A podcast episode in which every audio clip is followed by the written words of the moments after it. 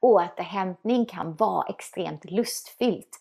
Och att vi kan få börja, om jag har haft en väldigt intensiv dag eller mitt liv är väldigt intensivt, då kan inte jag börja på för långsam work-in för det blir för stor kontrast hos mig. Och det är samma med sex eller intimitet. Alltså de, dagarna, men då behöver jag att min man, att han bara tar mig. Alltså med, med all sin kraft. Därför att mm. jag är någon annanstans. Jag är uppe i huvudet, jag är speedar runt och, och där. Och då behöver jag en praktik som suger sig till mig. Alltså här pulled by passion.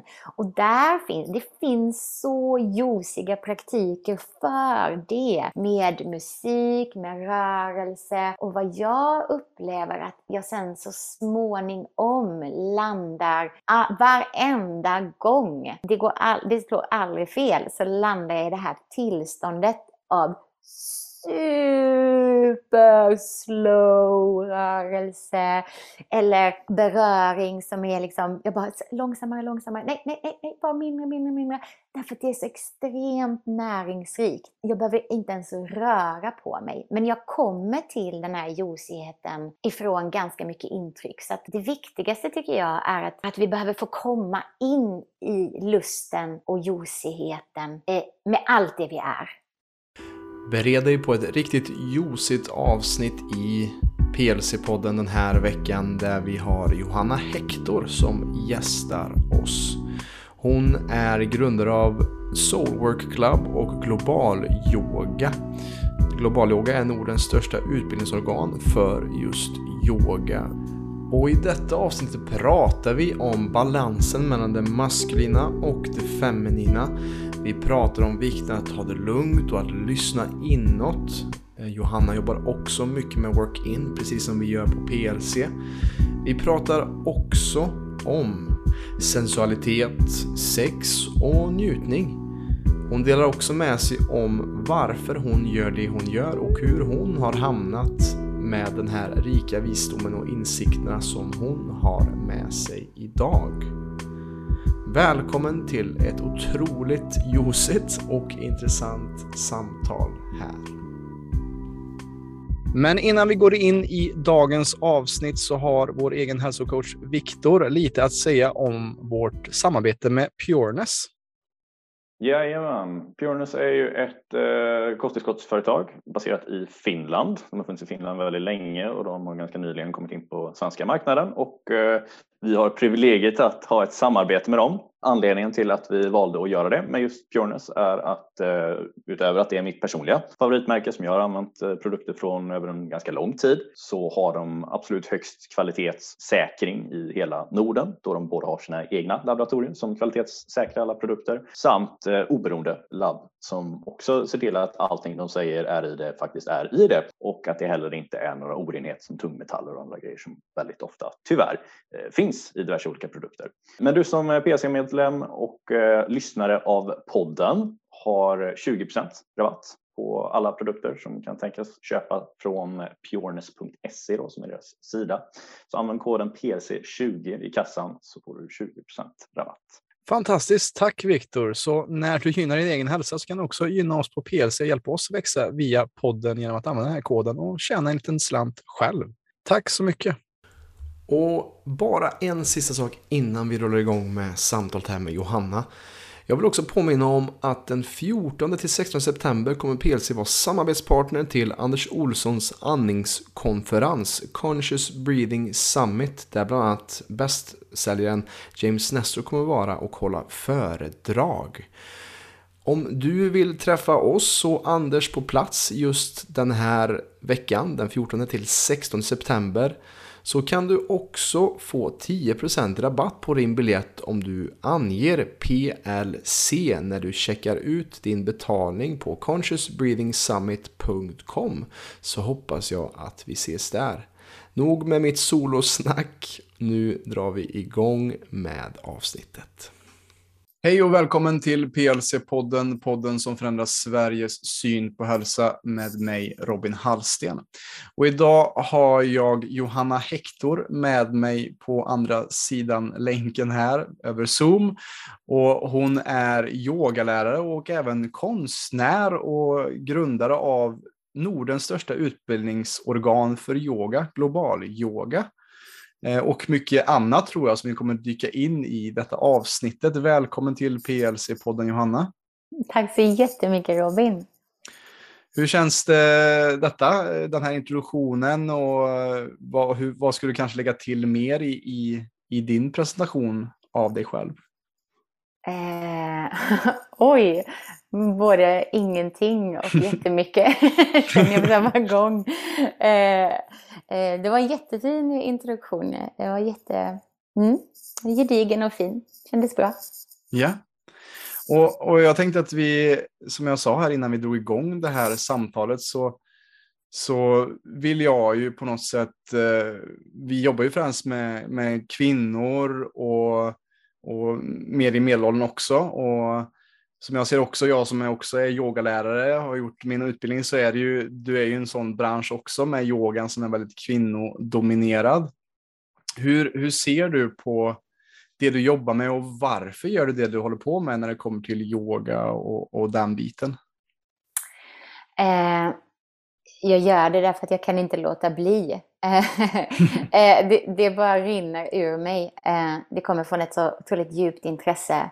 Jag, jag är själv så nästan nördigt intresserad av eh, vad vi, vår potential och hur vi kan bli mer närvarande, hur vi kan njuta av livet mer fullt ut, hur vi kan mm, ta vara på den här tiden på jorden som vi har fått. Och eh, för mig går det väldigt mycket genom kroppen, eh, både genom andning och rörelse men också stillhet. Så, eh, så för mig så är yogan en så ja, en sån rik plattform där, där, där många av de här redskapen finns. Eh, så jag kan helt enkelt inte låta bli att dela det, detta. Nej, jag antar att, att det liksom har gett dig så mycket i ditt liv så att det, det finns liksom ingen eh, anledning till varför man inte skulle vilja sprida det till andra antar jag. Liksom att det är lite under den, de premisserna helt enkelt. Ja, ja jag, jag är en pratare liksom. så att, eh, jag brukar säga det på poddar och grejer, så här, det räcker att man ställer en fråga, sen kan jag prata på hur länge som helst. Och, och, så, är det lite, eh, så är det med yogan också, att, eh, att jag älskar att få dela. Det kommer från den genuina platsen av, av hur mycket det har gett mig och ger mig än idag. Och mm. utmanar mig också. Mm. Just det. Men, men vart, vart startade den resan för dig då, att hitta yogan och vart var du kanske innan du kom i kontakt med yogan som, som jag ser kanske du använder som terapiform och ett sätt att just ett verktyg i livet för att hantera livet på ett bättre sätt kanske? Jag har ett väldigt tydligt minne av, eh, av yogan och sen varje gång jag berättade så omformas det ju lite. Alltså så mm. som våra minnen gör, vilket mm. jag tycker är väldigt fascinerande också. Men eh, jag var 17 år gammal och Eh, jag bodde i Swaziland, eh, ett litet land mitt i Sydafrika. Var där eh, på stipendium, så jag gick, var det andra året på gymnasiet. Där, bodde där själv, flyttade hemifrån från Skåne till eh, Sydafrika helt själv och var en väldigt högpresterande, eh, duktig eh, flicka. och jag älskade det. jag älskade att prestera i skolan, jag älskade att lära mig. Eh, jag dansade, eh, som var mycket så här uppträdande och koreografier och tv-inspelningar, shower och sådär. Så åkte jag till eh, Sydafrika och ville förändra världen, eh, jobba på ett barn, barnhem. Och, så, så det var väldigt mycket som kom egentligen från lust, men som landade och till slut blev i prestation. Att jag hade så himla många bollar i luften. Och i, i, i slutet av alla de här projekten som jag hade som började med genuin lust så hade jag någonstans målat in mig själv i hörn att det handlade om prestation i allting jag gjorde. Vilket jag vet att många kan relatera till. Och där och då så fanns det eh, en kvinna som kom och undervisade yoga en timme i veckan som fanns på schemat eh, av aktiviteter man kunde välja.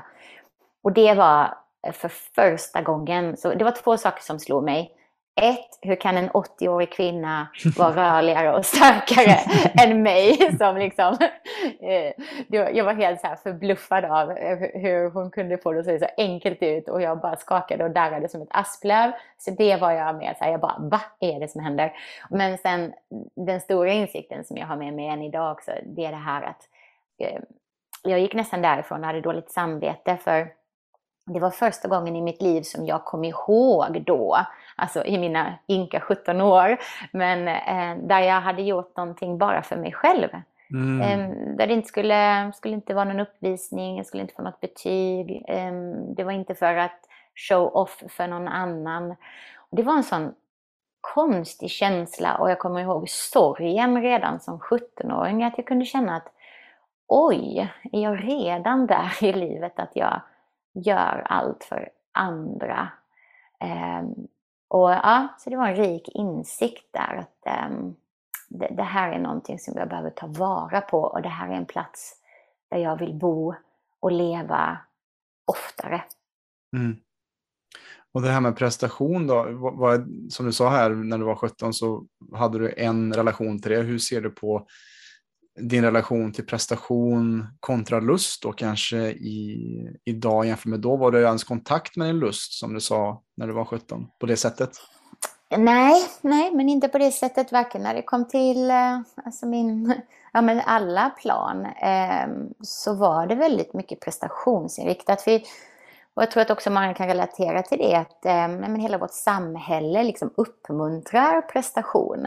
Och det blir ju en kick i sig. Att, men, mm. Så var jag bra på något så sa ju någon till mig så här, men gud Johanna vad bra det är på det här. Eller jag lärde mig väldigt snabbt vad man behövde göra i skolan för att bli omtyckt. Och, så ett, sakta men säkert, det var inte medvetna val, men så lämnade jag mig själv.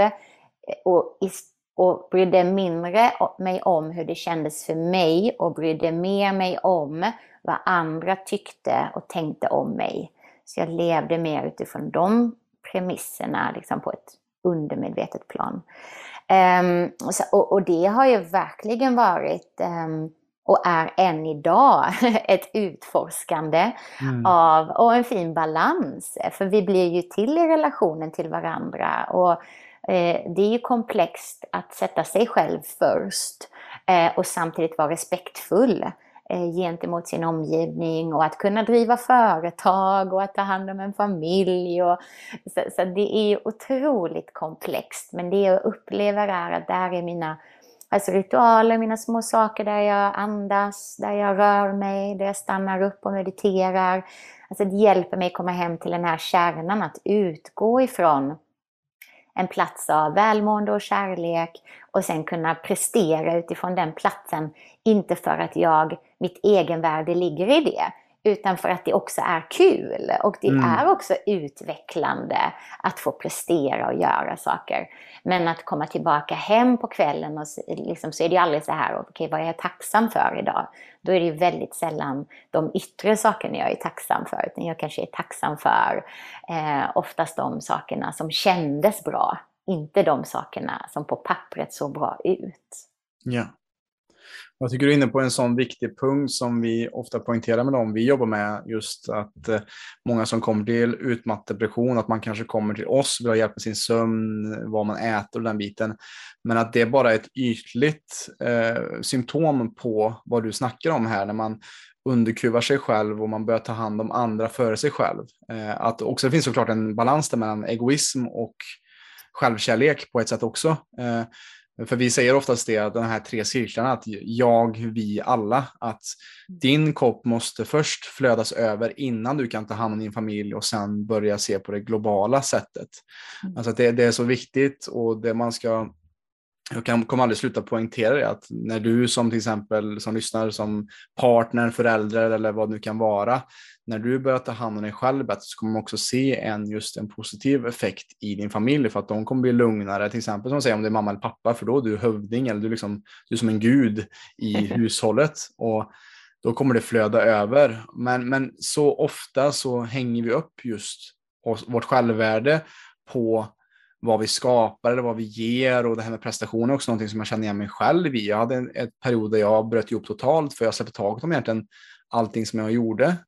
och då lämnades jag med en känsla av vem, vem finns jag till för nu? För jag hade inte gjort någonting för mig själv och då liksom var jag sängliggande i tre, fyra veckor i, i depression liksom för att jag inte hade någonting att gå upp för längre. För att jag mm. hade så länge försakat mig själv och min egen vilja och min egen, inte ens frågat vad min själ ville liksom. Mm. Och det tror jag är så otroligt viktigt att fråga sig själv, vad är det som får mig levande, får mig att komma i kontakt med lust och vad är det som får mig att komma i kontakt med det här som du snackar om, det juiciga liksom, i livet. Så det är lite det jag vill också prata om, för att jag ser oftast det, det är oftast tror jag, grunden till hälsobekymmer idag, är att vi inte är i kontakt med oss själva, vad vi vill, vår njutning och att det då blir ett symptom att vi har problem med sömn, vi har problem med vår andning, vi har problem med vad vi dricker och äter för att vi inte är i kontakt med själens intention eller med vad vi faktiskt vill skapa i världen. Vad, vad, vad tänker du när jag säger så? Åh, jag tycker du formulerade det så fint Robin och, och, det som sticker ut för mig i det du sa, det var de här tre ringarna som du pratade om. Jag tycker de är, de är så otroligt viktiga att Eh, det är helt rätt det du säger, att vi behöver fylla vår egen bägare först så att det flödar över. Vi behöver kultivera det. Eh, och när vi har gjort det, så är det den lilla cirkeln, så är det viktigt att vi kommer ut i nästa. Mm. Så att mm. vi inte sitter där och pillar navel och självutvecklar oss för vår egen skull. För då blir det komplext också och det är då vi börjar hamna i, i, igen i det här självtvivlet eller att vi får prestationsångest i våra egna ritualer eller i vår egen hälsa. Så, att, så att det, det är så viktigt att ha med sig alla de här tre ringarna och fortsätta expandera utåt. Jag brukar prata om det här att, att det handlar om att eh, alltså, wake up, det är den första ringen. Vakna upp till dina egna behov, till din mm. egen lust. Och sen så är det grow up. Alltså ta ansvar, börja, börja ta ansvar för men, eh, din barndom, vad som har hänt dig. Ta ansvar för din situation där du befinner dig i livet nu, de du har runt omkring dig. Och sen den sista ringen brukar jag kalla för show up. Mm. Alltså, det, det, nu behöver du bidra. Så om ja. du har gått de här yogalärarutbildningarna eh, och när jag coachar yogalärare till exempel så brukar jag prata om det så här. Ja, finslipa på din pedagogik, planera din klass, eh, men inte till perfektion utan lägg sen ditt fokus på deltagarna. Så, var inte, och det gör ju oss mindre självkritiska. Och, och, om vi inte, så att vi inte stannar upp och håller på och pysslar med oss själva alldeles för länge utan Eh, gör dina ritualer, ta hand om dig och sen så som du gör nu med att spela in den här podden. Jag menar, du har gjort dina ritualer, tagit hand om din hälsa och nu så brinner du för att sprida det här vidare. Exakt. Och det ger ju dig syftet, det liksom fulländar ju den här helhetskänslan och det mm. stack ut. Jag är så glad att du tog upp det. För det är så mm. otroligt viktigt att vi går ut och bidrar från den här platsen sen.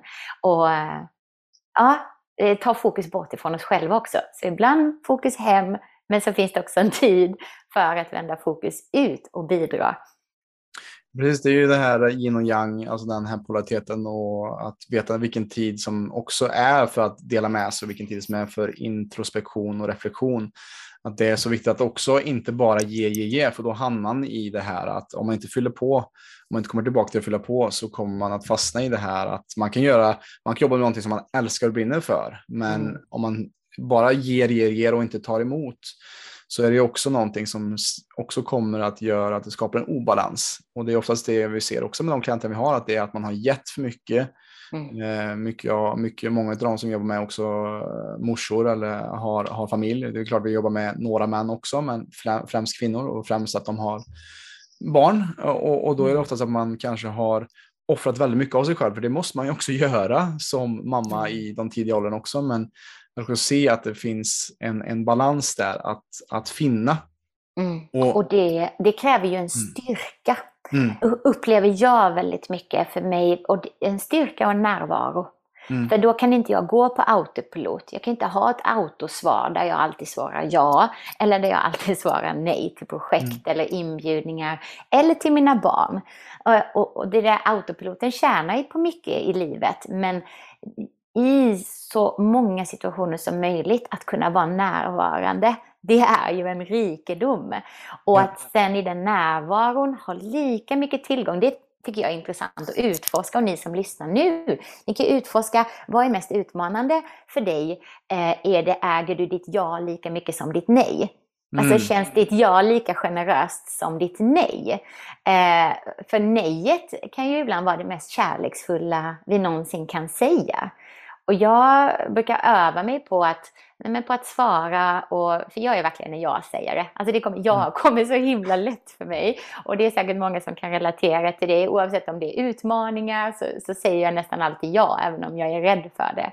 Men nejet har jag verkligen fått äga in.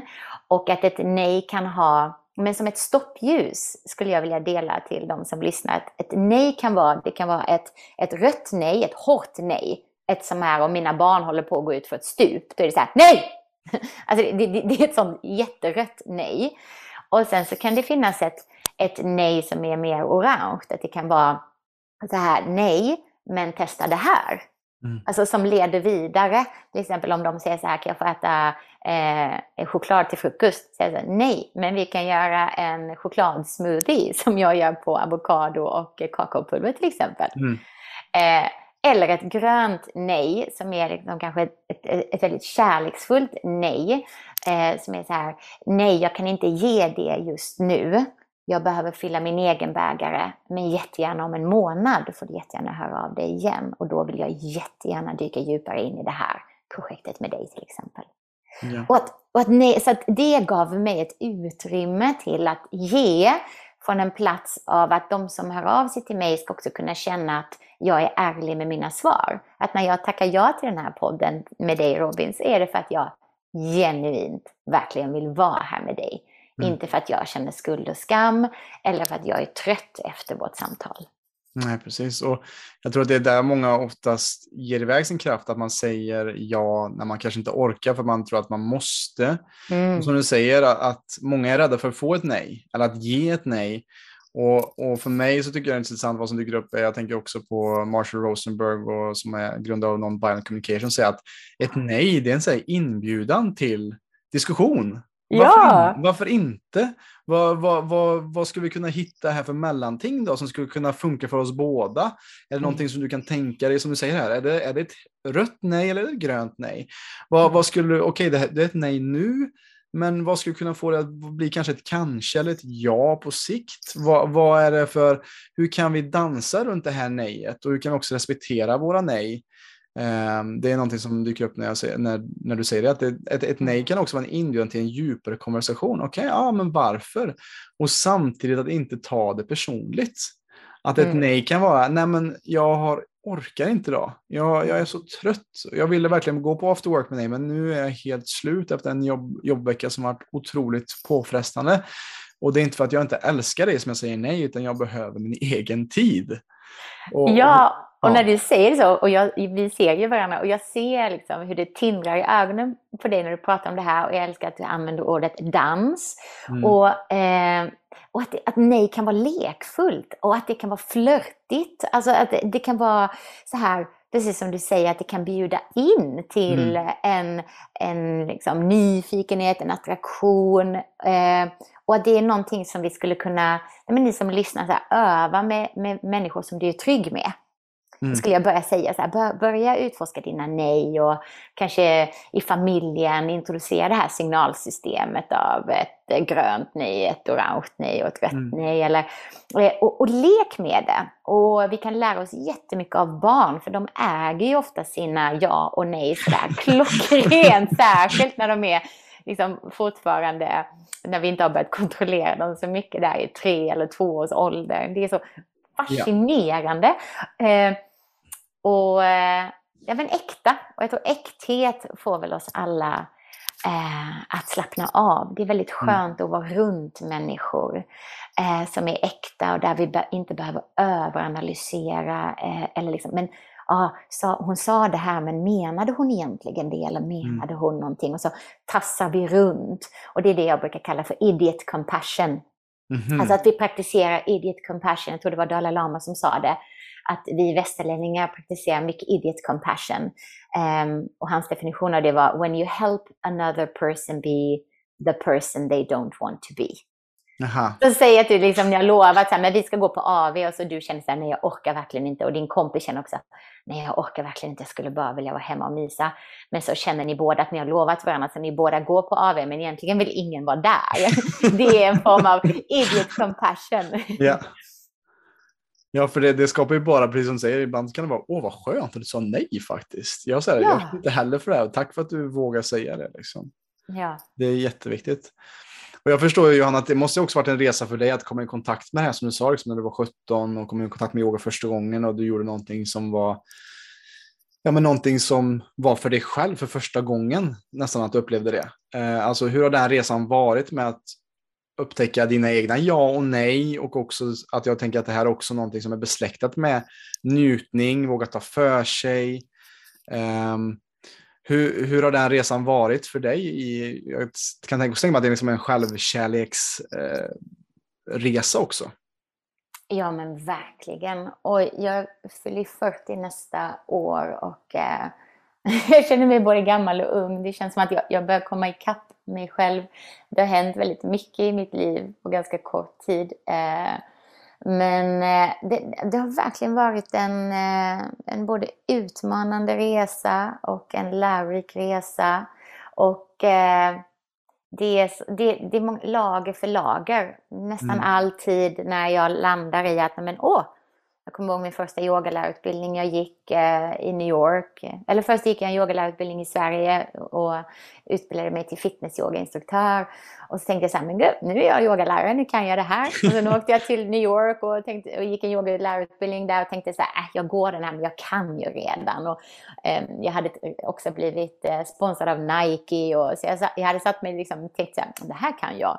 Och så kom jag dit och, och jag kommer ihåg att bara öppna manualen första dagen och det var bara massa sanskrit. Jag bara kände så här, gud jag har ingen aning om vad allt det här är. Så, så blev jag ödmjuk igen. Och, och det, det skulle jag beskriva är det stora i min resa. Att så fort jag, jag tror att nej, men det här har jag koll på eller nu, nu, har jag lärt, nu kan jag det här med lust eller så är det som att livet bara trycks upp i mitt ansikte. Antingen av min familj eller av vänner eller jobbmässigt eller att jag kommer över någon ny utbildning eller någon ny lärare. Och så, så blir jag väldigt ödmjuk igen och inser liksom att, att jag behöver mjukna in och inse så mycket det fortfarande är jag inte kan, så, så mycket det finns kvar att arbeta på. Och eh, det positiva med, mig, om jag skulle ge mig själv cred för något, så är det att, att jag blir alltid väldigt nyfiken då. Alltså det, det är Mm. väldigt sällan att jag blir, utan jag blir så här, va? Finns det mer att upptäcka? Ehm, så att det har varit en, en eh, det har varit och är en njutningsfull och utmanande resa Mm. eh, på många plan. Så jag kan gå in liksom i vilket litet kaninhål du vill. Du får, bara guida mig. Ja, men alltså när jag eh, gjorde min research på dig så kollade jag igen din hemsida såklart och så såg jag just det här, du snackade om mycket det här juiciga och jag själv faktiskt fick hem den här boken Slow Sex eh, häromdagen Ja! i min brevlåda som jag eh, Kul. faktiskt när jag såg det bara wow, den här vill jag läsa just att komma i kontakt med det här för att jag, som jag sa, jag tror att så mycket av vår ohälsa idag i västvärlden också är på grund av att vi är i ett väldigt, många i det här maskulina görandet och att vad som behövs mer av i samhället i stort som jag ser också med mina klienter är att man behöver vara mer i det här yin. Man behöver vara lite mer i det här mjuka, receptiva. För att vi är liksom prestation och man ska skapa, man ska göra det här och det här. Men det finns inte tid till det här uh, introspektiva, reflektiva, njutningen, att göra saker bara för, för nyfikenhetens skull. Att eh, också som jag ser, jag sätter 95 procent av de klienterna vi startar upp i PLC, vi sätter dem på work-in, inte work-out, för att de är för stressade. Och de tror att ja, men bara jag tränar mer och, eh, och äter mindre så kommer jag, det kommer bli bra med min vikt och så, men det är inte det som är grunden till problemet egentligen. Eh, att det behövs lite mer så här, Ja, men att vi behöver gå inåt. Och det känner jag också att det, njutning är på något sätt att man går inåt i sig själv, man förkroppsligar och yogan. Samma för mig som är utbildad inom traumasensitiv yoga, att där också går vi in verkligen i det somatiska, känna in the mindfulnessen för att komma i kontakt med närvaron, medvetenheten, för att oftast är det vi kattar bort, att vi är nu gör jag lite tecken här vid min nacke här, att vi är avhuggna, halshuggna från det innersta och det viktigaste mm. som jag ser, som du jobbar med just det här, komma i kontakt med det här juiciga, alltså den här njutningen. Um, och att, att mycket av vår läkning finns där. I sexualitet, i sex, i vår egen sexualitet som för många olika tror jag har, ja, man har eh, förkastat det och sett det som att det inte är så viktigt. Men om vi kollar på hur vi alla kommit till så är det ju genom de här portalerna som ni kvinnor bär på. Alltså det, mm. det, det ja. går inte att förneka att vi alla kommer därifrån. Och att säga bara, nej vi ska inte kolla på det här, det är inte alls viktigt. Det är mm. ju jätteirrationellt tycker jag. Det är det och det är väldigt intressant och det finns många olika eh, liksom, lager av detta som är intressant att dyka in i. Eh, och alltså, jag skulle säga med eh, Alltså, grunden i detta om vi skulle, är, handlar ju om återhämtning. Alltså mm. work-in, jag jobbar också med uttrycken work-in och work-out och som vi pratade om båda, att vi har båda Paul Check som eh, en gemensam lärare. Jag tycker han är helt, helt eh, fantastisk, jag älskar att studera med honom. Eh, och just den här work-in, jag har alltid varit dragen till Alltså när jag började med yogan så älskade jag det här med vinyasa-yogan och att det var liksom mycket rörelse och väldigt danssamt. Och jag kommer ihåg när jag tittar tillbaka på min resa inom yoga så eh, Yoga Nidra till exempel, den guidade djupavslappningen och de här mer stillsamma praktikerna, de var jag inte alls attraherad av i början. Och än idag så har jag och jag delar detta därför att det här gäller inte alla, men jag tror att många som lyssnar kan relatera till detta. Eh, och ibland så, men att man kanske också tror att jag är en väldigt så här lugn person. Det är jag verkligen inte. alltså i mitt liv, det, det är full rulle. Eh, jag, jag, jag, gillar inte att komma i för god tid. Jag gillar att sladda in till saker. Jag gillar att ha hög musik. Jag älskar mycket dofter. Så, och om det är någon som kan relatera till det så vill jag bjuda in att återhämtning kan vara extremt lustfyllt. Och att vi kan få börja, om jag har haft en väldigt eh, intensiv dag eller mitt liv är väldigt intensivt, då kan inte jag börja på för långsam, långsam work-in för det blir för stor kontrast hos mig. Eh, och det är samma med nej till exempel alltså sex eller intimitet. Alltså då, de dagarna, men då behöver jag att min man, att han bara tar mig. Alltså med, med all sin kraft. Därför att mm. jag är någon annanstans. Jag är uppe i huvudet, jag är speedar runt och, och där. Och då behöver jag en praktik som är nej, men som verkligen suger sig till mig, att alltså pulled by passion. Och där finns, det finns så juiciga praktiker för det med musik, med rörelse. Och vad jag upplever att jag sen så småningom landar ah, varenda gång, det, går all, det slår aldrig fel, så landar jag i det här tillståndet av super slow rörelse. Eller beröring som är liksom, jag bara långsammare, långsammare, nej, nej, nej, nej bara mindre, mindre, mindre.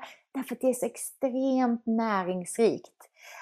Jag behöver inte ens röra på mig, men jag kommer till den här juicigheten ifrån ganska mycket intryck. Så att det viktigaste tycker jag är att, är att vi behöver få komma in i lusten och juicigheten eh, med allt det vi är. Mm. Med all med all vårt kaos, med all vår trötthet, med all, liksom, allt det som vi anser är fel på oss. Allt det måste få komma in och få vara med när vi gör work-in. Och det, det ser jag är det vanligaste felet hos mina klienter. Eh, det är det att vi tror att vi måste lugna ner oss för att få lov att gå på yoga. Att vi tror att vi måste liksom sakta ner oss utifrån. Mm. Inte för att vi själva vill, utan för att det är så man borde vara. Exakt. Och det är inte den feminina vägen. Mm. Och det har varit ett utforskande för mig. Att ta tillbaka min lust, att ta tillbaka min kvinnlighet. Om någon säger till mig nu för tiden att jag är, men vad känslomässig du är Johanna. Då, då kan jag bara säga till dem med glimten i ögat, ja tack, och säg det som en komplimang. För vet du, jag har jobbat för den här känsligheten. Och äga den, mm. att ha tillgång till, eh, till ilskan på ett konstruktivt sätt. För mig så länge, efter så många år att ha varit duktig flicka, jag, så fort jag var inne i någon konflikt eller något som var jobbigt, så började jag, bara, jag började gråta. Alltså, jag hade inget annat eh, register i mitt känslospektra att ha tillgång till. Jag, när jag växte upp så skrek jag aldrig som barn. Jag blev introvert och grät. Det, mm. det var min enda... Eh, så det kan vara så fint att reflektera över. Och jag upplevde ju det att det är en enorm resurs, min kraft, så länge den inte blir destruktiv för någon annan. Utan att jag får tillgång till hela mitt spektra, hela min lust. Och där i ligger också min återhämtning och det är det som jag brukar kalla sinnlig sensualism. Mm. Alltså, och det har inte alls bara med sex att göra, utan det har att, liksom, att aktivera våra sinnen tills dess att vi inte vill vara någon annanstans. För exakt här och nu är den mest rika, fascinerande platsen vi kan vara på. Mm. Och det kommer du märka är essensen i den här boken Slow Sex. Alltså det kan vara liksom att så småningom att, att någon rör dig på örsnibben. Och du bara, nej, nej, nej, vänta, vänta, vänta, vänta, lite långsammare. För att, vänta. Alltså, alltså jag gåshud över hela kroppen just nu. För att jag känner mig så nära dig av att känna din beröring och att känna ditt varma andetag mot min hud. Och det, det finns ingen annanstans jag vill vara. Och då behöver vi inte ha de här överdrivna porrfilmerna och vi behöver inte ha all den där yttre stimulansen när vi kommer till den här platsen av sinnlig sensualism. Mm. Och Det tycker jag är så vackert när jag hör dig prata, är just vad jag tänker på är i, inom shamanismen snackar man om det här tidlösa rummet. Mm. Alltså att, att den här medvetna närvaron. Och det är där läkning sker när vi transcenderar eh, just eh, nuet, att när vi är på toppen av nuet, när vi släpper taget om framtiden och dåtiden och landar i att jag är faktiskt hel och okej okay där jag är just nu. Där du och jag sitter nu just nu Johanna, så finns det inga externa hot som kommer hota vår existens. Men vi går runt och tänker på våra tidiga trauman och eh, har ångest över framtiden, vad som ska ske. Men vad du säger här med vad som work-innen gör eller just sensualiteten kan hjälpa oss med att komma i kontakt med vad är faktiskt levande i denna stunden. Den här tidlösheten. Och det är där den här djupa inliga läkningen kan ske och det är det som Joe Dispenza och, och Bruce Lipton och de här eh, starka namnen inom kvantfysik håller på att snacka om just när man kommer in i de här djupa tetavågorna i, i meditation och så vidare. Att det är där vi verkligen kan läka allting när vi inser att mm. det, problemen finns inte utan det är en sak vi skapar med vår, vårt huvud, vårt ego. Mm. Och, och det, att ha, Ja, fortsätt du. Ja, jag, jag tycker det är så otroligt spännande med de här hjärnvågorna som du pratar om, tetavågorna och när vi kan vara i det här alfa-teta, i de här mittemellanstadierna också. Alltså mm. när, vi bär, när vi bär både och. Och det som, som jag upplever utmanande och ibland vad jag, vad jag kallar den maskulina vägen, det är att alltså, det blir komplext för vi vill landa där i det här effortless effort, mm, wu mm, mm. eh, men vi kommer ju inte dit genom prestation. Exakt. Och det, det är där det blir Exakt. svårt för många av oss. Att säga, jag vill komma dit, bara, ja kan du ge mig pillret? Eller nu sätter jag mig och mediterar så kommer jag dit. Mm. Och vi tror att vi kan komma dit genom att göra. Och mm. det är det som jag tycker är fascinerande då, ja, men genom, genom lust. Av att, av att vi bara det, det kommer ifrån pulled by passion istället för att vi blir pushed by fear. Ah. Eh, så att istället för att vi pushar oss till att jag måste vara närvarande, för jag kan uppleva det också i samhället ganska mycket, att det finns den här alltså att närvaro, närvaro, närvaro, att det kan bli så himla, men om jag tittar på mina barn som är alltså mina största lärare, så kan en av mina döttrar, när hon sitter och äter frukost, så kan jag säga till henne så här, eh, Leonie, eh, nu måste vi gå. Och så svarar inte hon och till slut för att hon är någon helt annanstans. och det är för att hon är så extremt närvarande att hon kan vara överallt. Alltså samtidigt att det finns en sån, hon är så bra på dagdrömma. Och hon är 100% i sin dagdröm. Och det det gjorde mig nästan sorgsen när jag studerade hjärnan mer och just de här med tetavågorna, att vi kan, vi kan mäta upp tetavågorna när vi är i det här tillståndet av att vi dagdrömmer till exempel, när vi är där så genuint, inte en flykt från något, utan för att det är så otroligt ljusigt spännande att få dyka in i vår egen kreativitet och fantasi. Och att jag höll på att träna henne att inte vara där, för att jag höll på att träna upp henne i fokus. Men vi vet ju, och du vet också det Robin, att vårt fokus är begränsat. Ja. Om vi hela tiden försöker vara fokuserade, så i slutet av dagen kommer vi vara helt slut och också känna oss misslyckade. För vi har bara ett visst, visst fokus och när vi har använt upp det så är det slut. Mm. Så vi behöver också låta hjärnan få gå in i de här olika tillstånden av att, av att dagdrömma och att inte vara så fokuserad. Och det är ju det som man beskriver i tillståndet av flow. Eh, när det här tillståndet av tidlöshet och eh, tillstånd av eh, djup avslappning. Då upplever vi ju egentligen inte att vi är så fokuserade. Mm.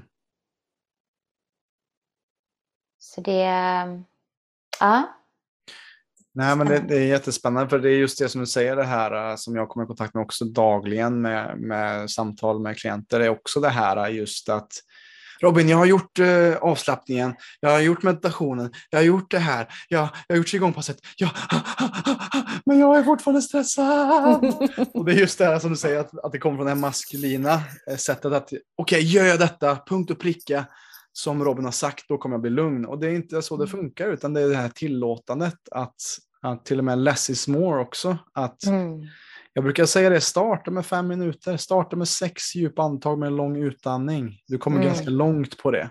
Mm. När det kommer till att lugna ner ett nervsystem. Att bara, uh, jag brukar säga det, O-breath, liksom det antaget som vi tar när vi kommer, när vi är mätta och när vi är trötta.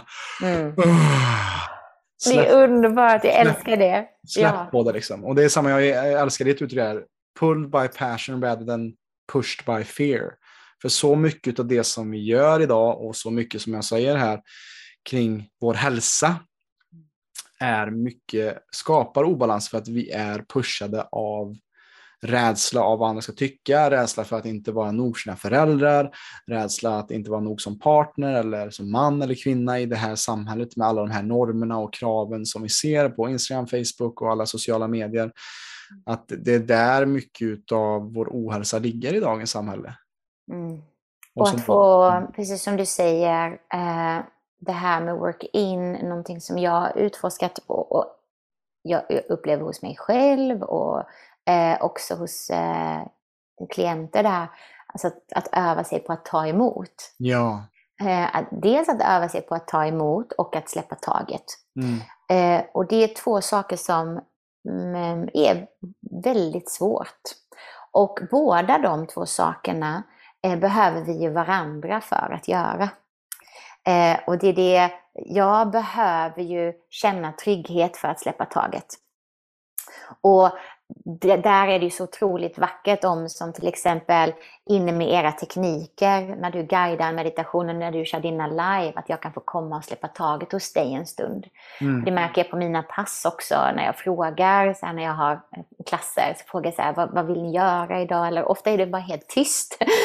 och därför att folk vill bara, så kan jag, så kan jag titta på dem och kan säga så här, nej, ni vill, ni vill bara slippa ansvar ett tag va? Ja. Ni, ni, vill komma, ni vill komma hit och ja. inte behöva bestämma, inte, välja.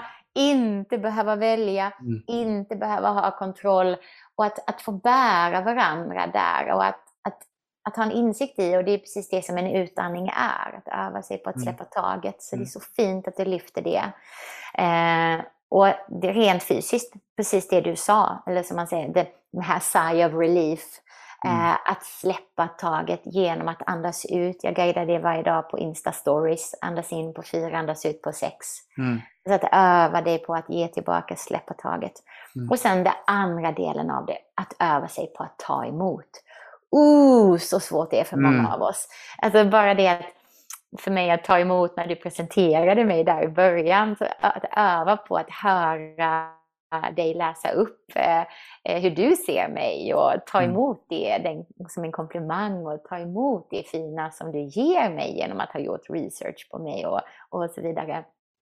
Och att ta emot när någon öppnar dörren, alltså, det är det feminina. Och feminin och maskulin har inte bara med kön att göra, utan det bär vi ju alla. Vi kallar det yin och yang, precis ja. som du säger. Och det feminina, det är ju yin, work in, det är energin som tar emot. Ja. Och det maskulina, det är yang, det är det som ger. Och många kvinnor som jag möter eh, går miste om det här, för vi tror att vi är den feminina energin när vi tar hand om våra barn. För det är många kvinnor som säger, jag är den feminina energin hela tiden, för jag tar hand om min familj. Och jag säger, nej, för då ger du. Så, mm. så det är, när vi är föräldrar är vi den maskulina energin. Det är något som många glömmer. Så att om ni som lyssnar bara skulle se över, och du också Robin, se över ditt liv. Hur många delar av ditt liv är i kategorin yang, maskulin, ge, prestera? Och hur många delar av ditt liv i din vardag är yin, feminin, ta emot? Och, och väldigt många av oss har en obalans där. Av att, av att vi är nästan 80, 90, 99 procent i yang, där mm. vi ger. Eh, så för mig var det en resa eh, som egenföretagare. Jag driver tre företag. I alla dem så är jag i min maskulina energi, bestämmer, strukturerar, tar beslut. I familjen, jag uppfostrar tre döttrar, åldern 2 till 9. Jag liksom strukturerar familjepusslet, aktiviteter, skola, allt det där. Och sen så i det tredje då med min man i vår relation, i äktenskapet, då är det ju jättesvårt för mig att bara switcha på min feminina energi och gå från att vara en doer och presterare till att ta emot. Utan vad jag gjorde under, under lång tid och än idag ofta kommer in, och det är, då, det är de, de gånger då vi inte synkar, det är att jag, jag, jag tycker att han ser mig inte, han hör mig inte, han uppskattar mig inte. Men saken är ju den att, att jag står ju där och bara trycker på. Jag bossar, säger till vad jag vill ha av honom eller vad jag tycker han gör fel. Istället för att jag kan ta emot honom. Mm. Och låta honom fylla mig. Så att vi är båda där i den här maskulina energin. Men där jag blir besviken för att jag tycker inte han ger. Och han ger ju för kung och fosterland. Mm. Men, men jag är ju helt full. Alltså mitt glas är ju så här, jag låter inte honom komma in. Nej. Um, och, och, det är en, en så sårbar process att vara i, men har också varit så otroligt givande att utforska. Eh, och det kan vi alla göra i relationer. Ibland kanske du vill vara i den maskulina och ge till din partner. Och det gör vi ju ofta. Men i vår relation är det väldigt tydligt att, att, att jag älskar att få vara liten och att få ta emot. Och då behöver jag någonting som jag kallar gudinnetid, vilket mm. är ställtid. Så när jag går ifrån jobbet där jag är hans chef till att vi ska sitta vid matbordet och där jag vill att, att vara den som tar emot istället för att den som fortsätter att vara chefen i familjen eller i relationen. Men då behöver jag ha den gudinnetiden och för mig är det kanske att eh, dansa till en låt som saktar ner mig, att göra en yoga nidra, att ta ett varmt bad och massera in en kroppsolja. Alltså det som är work in, fast som verkligen är sinnlig sensualism också. Så att jag kan ta emot. Ja, det är så otroligt viktigt det där som du säger. För att jag tror också, det finns också så här, en bild tror jag som folk har i att det feminina, eller att det här ta emot eller att vara mottaglig, som du säger, också vara liten, att det ses som en negativ sak. Men det är, det är ju så, det är ju i det här, eh, jag brukar säga det också, eh, ett av mina favoritalbum eh, som skrivits, är The Fruitful Darkness av Trevor Hall. Och och där liksom det, det, fruktfulla mörkret som det feminina är och där vi alla kommer ifrån. Som, alltså, lyssnar du på det här så har du förmodligen kommit från någonstans en gång i tiden. Mm. um, och, och så, det är så otroligt viktigt att tillåta det här, för annars så går vi under, vi brinner upp. Alltså det är också det att, att yin, feminint är mer svalkande och yang är ju mera hetta. Och det är därför folk blir utbrända för att man är mm. med i sitt maskulina och man skapar för mycket, man ger för mycket. Mm. Och, och, på, på det också så snackar du också om det här med komplimang, eller så här, typ med kvinnor. Jag märker också det, du vet när man, om man kollar på Instagram eller Facebook när någon skriver, någon har lagt upp en ny profilbild, någonting som kvinna, så skriver man åh vad snygg du är. Och så, och så det, det man ser från i svar, det är inte tack, utan det är ja men du då? Eller du, alltså, det, det Ja. finns till och med svårt att ta emot en kommentar om att man är fin eller att man har gjort någonting. Bara istället för, alltså det blir som en spegel, spegel. Nej, men du, är- Mm. du är vackrare, du är finare. Du, alltså att, Mm. bara, men tack. Mm. Tack för att du uppskattar min skönhet eller min, eh, mitt sätt att vara som människa.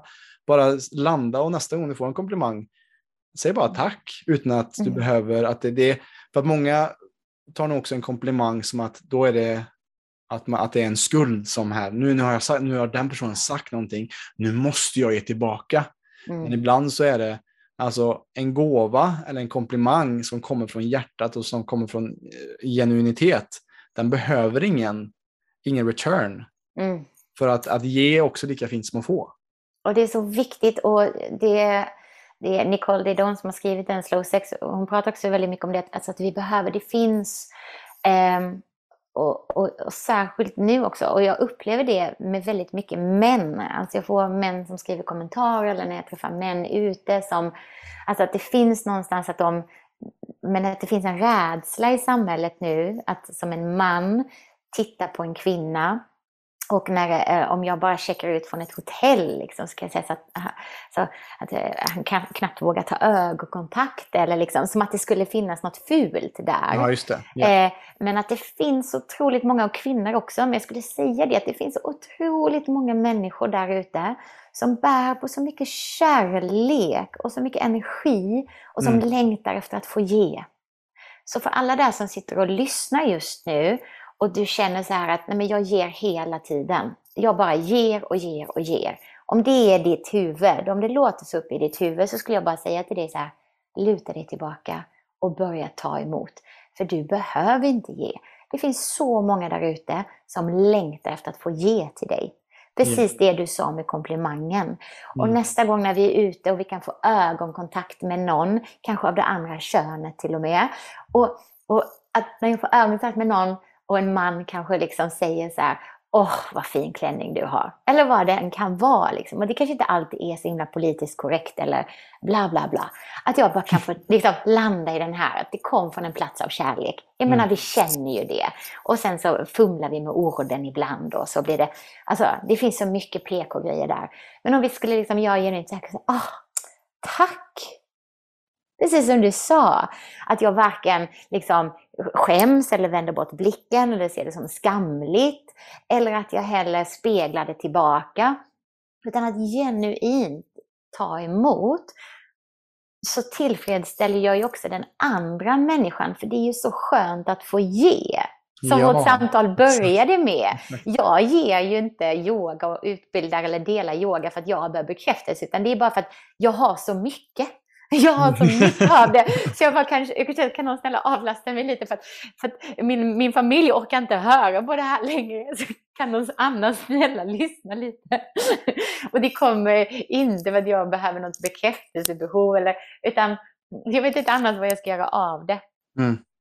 Så låt oss, en påminnelse till oss alla som lyssnar och till dig och mig också idag, att när, när vi känner att vi har gett så mycket, låt oss sluta ge och se, öppna ögonen och se eh, vem kan ge till mig nu? För det, jag garanterar att det finns människor. Det kan vara människor som öppnar dörren åt dig. Det kan vara någon som plockar upp eh, ett kvitto när du tappar det.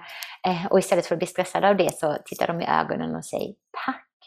Ja, precis. För, för det, jag tror det är viktigt också, för, för precis som mig som är en man som också vill ge och jag skapar mycket via PLC och ger mycket av mig själv för att många andra ska kunna suga åt sig den kunskapen, den, den förhoppningsvis visdomen som jag försöker förmedla med det jag pratar om. Och det finns väldigt lätt att jag glömmer bort i det här gödandet att jag fyller min kalender och att därför är det så här viktigt för mig att också ha dagar där jag inte gör någonting och tillåter mig själv att släppa taget för att det är lätt som man också gå in i det här uh, provider och att också skapandet och att ta hand om alla andra. Och till slut så offrar vi oss själva för, för det och då hamnar man också i, i exakt det mönster som vi snackar om. Och där har jag varit tidigare i mitt liv. Nu är jag bättre på det.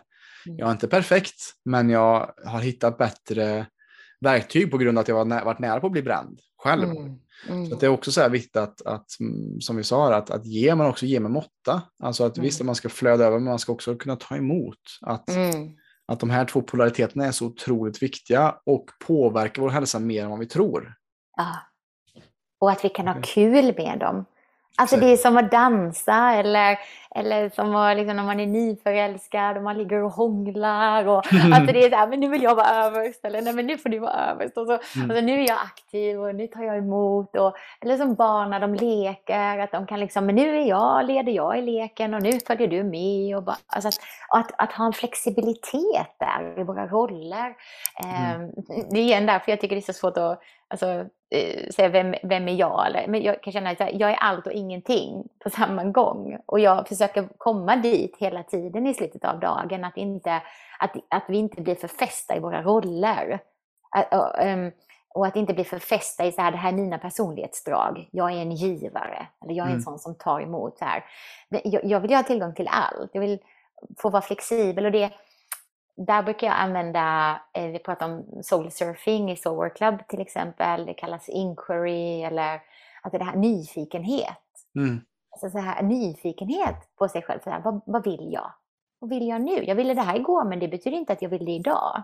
Och eh, för fem timmar sedan hade jag jättemycket att ge men nu börjar jag bli lite trött så vad behöver jag nu? Mm. Och att, att, fråga sig själv med nyfikenhet och det innebär ju att vi, vi vi kan inte redan veta svaret. För då kan vi inte ställa frågan med nyfikenhet. Mm. Eh, och det är en styrka att inte veta. Yeah. Och det är en styrka att, att vara nyfiken och att våga säga så här, jag vet inte. Låt oss, låt oss utforska. Mm. Ja, du nämner också soulsurfing här, liksom, att utforskandet där och det är någonting som du säger att det är ett verktyg och för någon som kanske känner sig helt loss, som kanske är för mycket i sin maskulina detta just nu, vad skulle vara ett första steg eller ett verktyg som du skulle tipsa om när det kommer till att just komma i kontakt med det här äh, sensuella, det mer feminina? Vad, vad skulle du ge för råd till den personen som kanske äh, ja, har svårt ens att tänka sig in i hur man skulle kunna göra det? Mm. Alltså, jag skulle säga rörelse. Om, om du gillar någon musik så, så, här, så här, skapa en spellista med låtar som, eh, liksom, precis som du sa nyss, ditt favoritalbum. Och, alltså, att ha tillgång till musik och bjuda in rörelse på det sättet eller introducera, ha mer musik i ditt liv som bjuder in dig till att känna istället mm. för att tänka. Och sen vara vaksam på språket. När säger du jag tänker eller vad tänker du? Och när frågar du vad känner du? Mm. Eh, och, och, och vara medveten det hos dig själv när du ställer frågor. Så här, vad tänker jag om detta?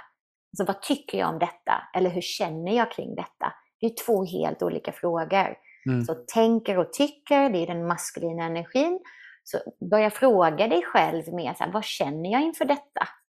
Eller fråga din partner om du vill bjuda in mer feminin energi. Istället för att fråga din partner, vad tycker du? Vad tycker du? Ska vi göra så eller så? Så fråga, vad känner du? Ska vi göra så eller så? Det är två mm. helt olika frågor. Och för det som är mycket den maskulina energin så är ofta svaret när vi frågar vad känner du så är ofta det som, som kommer upp är så här, jag vet inte. Jag vet inte. Jag vet inte. Bra, bra! Då lyssnar du. För vi vet inte. Okej, okay. så hur känns det att inte veta? Hur känns det? Mm. Och så gå vidare. Och så som jag guidar den soulsurfingen in i mer av den feminina energin är nyfikenhet och lyssna på kroppen. Så när du börjar, blir du röd i ansiktet? Eh, ändrades din andning? Eh, blir du pirrig i magen? Kände du ingenting? Till och med att känna ingenting är en känsla. Den är bara så subtil. Så vi behöver bara liksom bli ännu nyfiknare. Du vet som en hund som spårar efter ljud. Okej, okay, aha. Men, mm. hur är det när jag känner ingenting? Är mitt andetag stilla då? Och det är det som igen är sinnlig sensualism. Alltså det är genom kroppen. Så känslorna rör sig genom kroppen. Känslor de är inte förhandlingsbara. Och känslor behöver få röra sig genom kroppen. Och ibland är det stora rörelser, ibland är det böljande andetag, ibland är det nästan stillhet på utsidan men insidan rör sig. Så jag skulle börja bjuda in nyfikenhet, musik och ställ frågan vad känner jag, vad känner du? Istället för vad, vad tänker du? Vad tänker jag? Börja med det lilla ordspelet mm. och var ja. nyfiken. Lite god musik, lite nyfikenhet och lite ah. mer vad känner jag? Ja, och, och var alert i det. Så det mm. feminina är inte somnigt. Nej, nej, nej, nej, nej. Det är sjukt vaket.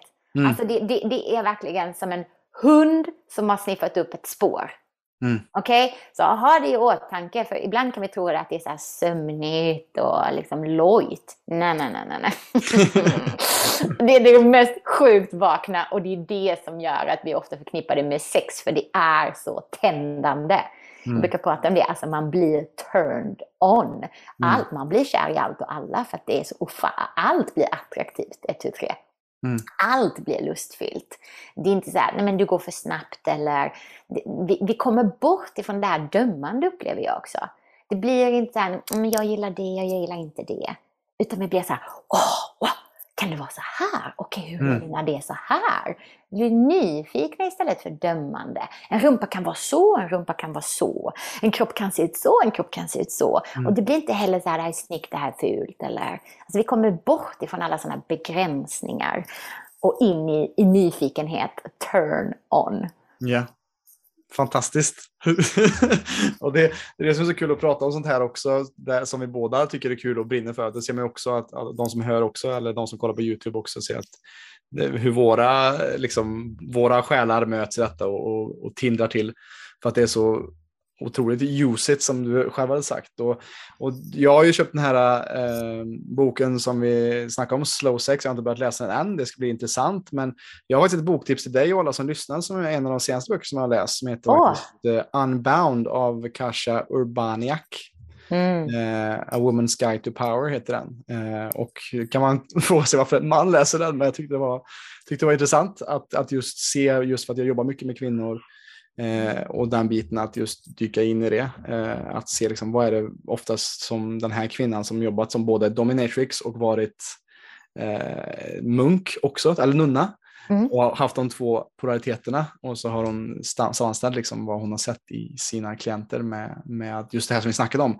Att kunna be om saker och att också släppa det här good girl complex, att så här, vara mer mera no bullshit och vara inte mitt emellan utan bara ja eller nej.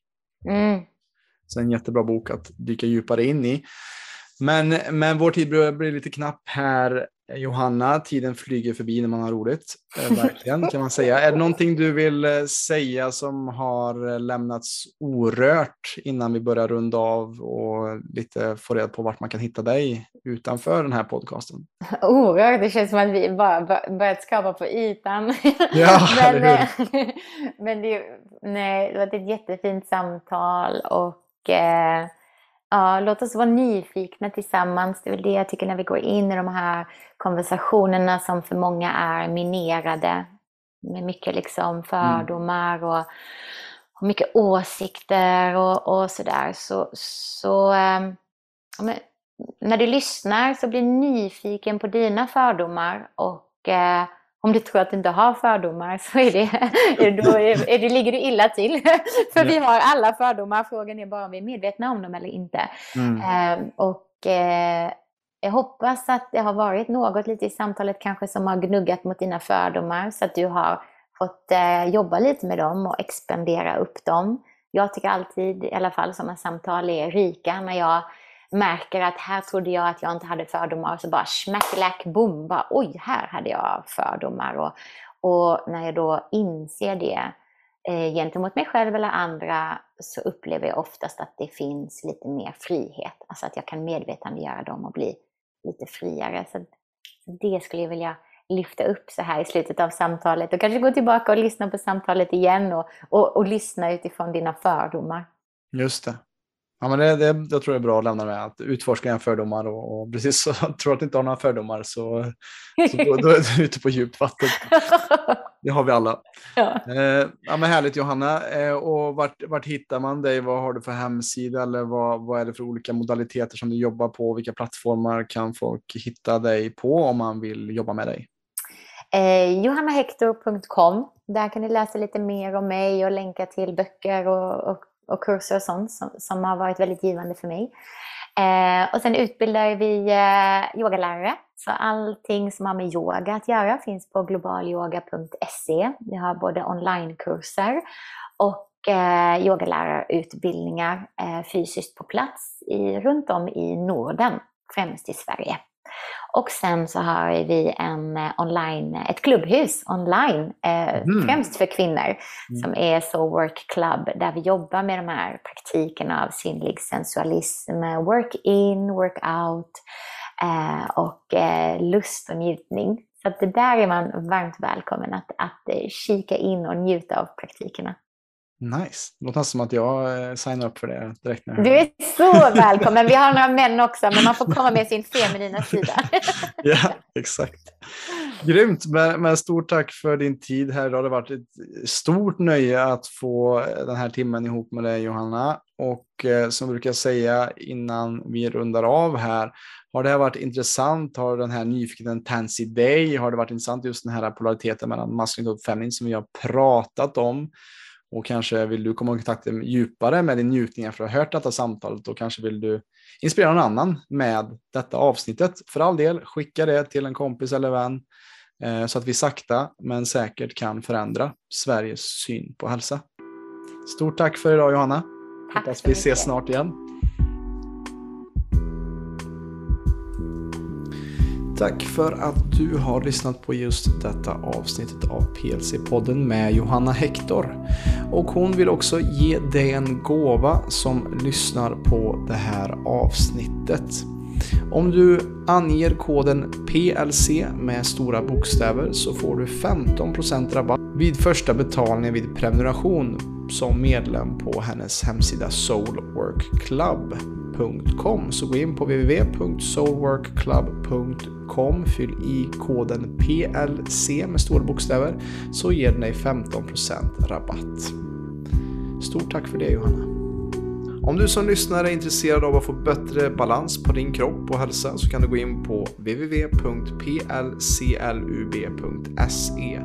Där kan du göra en gratis hälsoundersökning och läsa mer om hur vi hjälper människor på ett holistiskt sätt att skapa mer energi, få igång förbränningen och minska verk, Alltså www.plclub.se. Vi finns även på Instagram, YouTube, Spotify och Facebook at Premium Lifestyle Club om du vill ta del av mer gratis material. Stort tack för din tid här med oss.